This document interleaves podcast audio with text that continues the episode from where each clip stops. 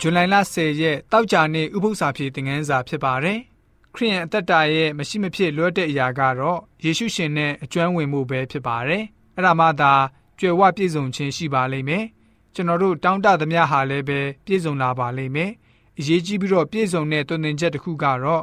ကရုဏာတော်မှတပါတခြားဘယ်အရာကမှအစားထိုးပြီးတော့လူရဲ့အသက်တာကိုပြောင်းလဲခြင်းမပြုနိုင်ပါဘူး။မေတ္တာတော်ဖြင့်သာပြောင်းလဲခြင်းဖြစ်စေနိုင်တာဖြစ်ပါတယ်။ ဝိညာဉ်တော်စာပေဖြစ်တဲ့ E.G. White The Acts of the Apostles စာမျက်နှာ31မှာဆိုလို့ရှိရင်ဘယ်လိုမျိုးဖော်ပြထားလဲဆိုတော့ကယ်တင်ရှင်ကိုယ်တိုင်ကငင်းခုန်ခြင်းနဲ့ရောအကျိုးကြောင့်တိကျစွာပြခြင်းနဲ့ရော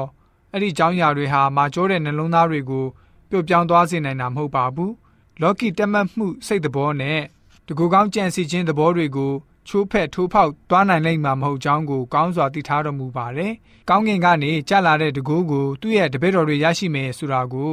ယေရှုရှင်သိတော်မူပါတယ်။လန်ခီဖြစ်တော်မူတဲ့တမန်တရားဖြစ်တော်မူတဲ့အသက်ဖြစ်တော်မူတဲ့သူရဲ့အထံတော်ကနေရရှိတဲ့ဉာဏ်ပညာနဲ့စိတ်လုံခြုံစွာနှုတ်နဲ့ချုံးမွေ့စွာ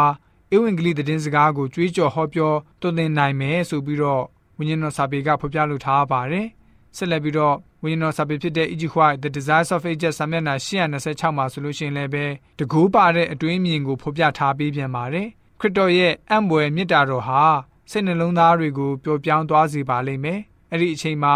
ထက်ခါထက်ခါအစဉ်တစိုက်တွင်တင်လေးရှိတဲ့တွင်တင်ချက်တွေကိုလည်းပဲဘယ်ဆွမ်းဆောင်ချက်မျိုးကိုမှလှုပ်ဆောင်နိုင်တော့မှာမဟုတ်ပါဘူးဆိုပြီးတော့ဝိညာဉ်တော်စာပေကဖော်ပြလိုထားပါတယ်။ထထဖျားရဲ့နှုတ်ကပတ်တော်ကနေတွေ့ရှိရတဲ့အမှန်တရားကိုမိမိတို့ကိုယ်စီတက်တည်ခံပြီးတော့အခြားသူတွေကိုစူးစမ်းတက်တည်ခံတဲ့သူတွေရှိကြပါတယ်။ဖျားရှင်ရဲ့နှုတ်ကပတ်တော်ကိုအမှန်တိုင်းဖော်ပြတက်တည်ခံဖို့အရေးကြီးသလိုကျွန်တော်တို့ကိုယ်စီတက်တည်ခံခြင်းမှာလည်းပဲ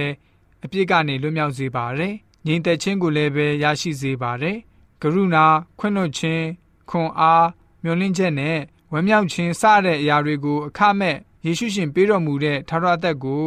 ကျွန်တော်တို့တွေ့ရှိနိုင်ပါတယ်ဆိုပြီးတော့မှတောက်ကြနေဥပု္ပ္ပစာပြေသင်ခန်းစာကဖော်ပြပေးထားပါတယ်။ဥပု္ပ္ပစာပြေသင်ခန်းစာနှစ်ကတော့ဒီလောက်ပဲဖြစ်ပါတယ်။ဥပု္ပ္ပစာပြေအစီအစဉ်တစ်ဆက်သူကျွန်တော်ဆဆပါ။ကျမ်းနာတော်သူရောက်စီတိုင်းဝิญဉ်ခွန်အားနဲ့ပြေဝကြပါစေ။ကျေးဇူးတင်ပါတယ်။